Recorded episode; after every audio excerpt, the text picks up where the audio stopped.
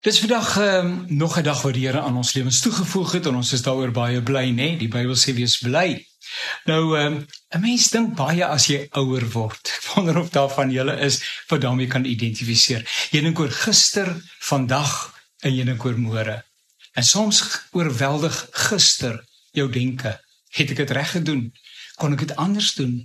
Is daar besoeke wat nou gebring moet word en verskonings, desnoods vergifnis wat gevra moet word vir foute wat ek gemaak het? Het ek toe reg gehoor of net my eie koers ingeslaan? Was dit toe regtig die Here se leiding? As ek my lewe oorgehad het, sou ek dit weer so gedoen het. Een na die ander gedagte wat verband hou met die verlede. En ongeag die feit dat gister onherroepelik verby is, water onder deur die brug, blare in die wind weggewaai om nooit ooit weer bymekaar gemaak te word nie, dring die vraag hulle tog wel aan 'n mens op. 'n Mens moet keer of jy verloor perspektief. 'n Mens leer immer ook deur foute te maak. Niemand is in alle opsigte suksesvol nie en dalk het ook die die verkeerde, die die mislukkings van die verlede tog 'n doel gehad almal ontbreek aan 'n 360 grade perspektief. Dit wil strompelend, stuik, struikelend op die pad sonder dat ons regtig weet waar ons gaan uitkom, maar jy gaan voort. Jy woel en werskaf omdat jy glo dat alles sal uitwerk. Maar het dit uitgewerk?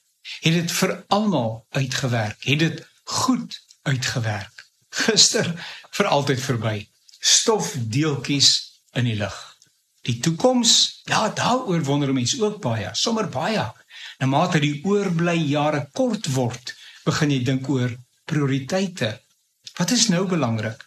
Jy gaan dink aan geleenthede, die wat nog daar is om die beste daarvan te maak. Jy dink aan die wenslysie. Voor ek gaan, wil ek nog.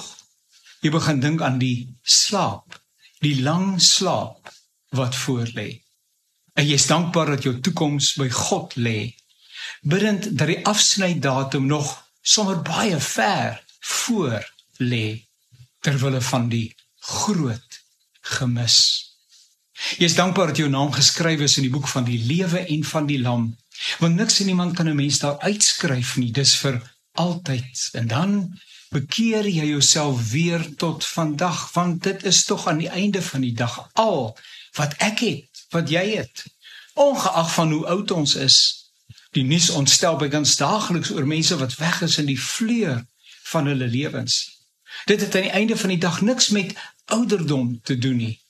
Daar is die vraag in steede van hoeveel jare in jou en my lewe oor is, liewer hoeveel lewe is daar in ons jare? Leef voluit. Ons het nog vandag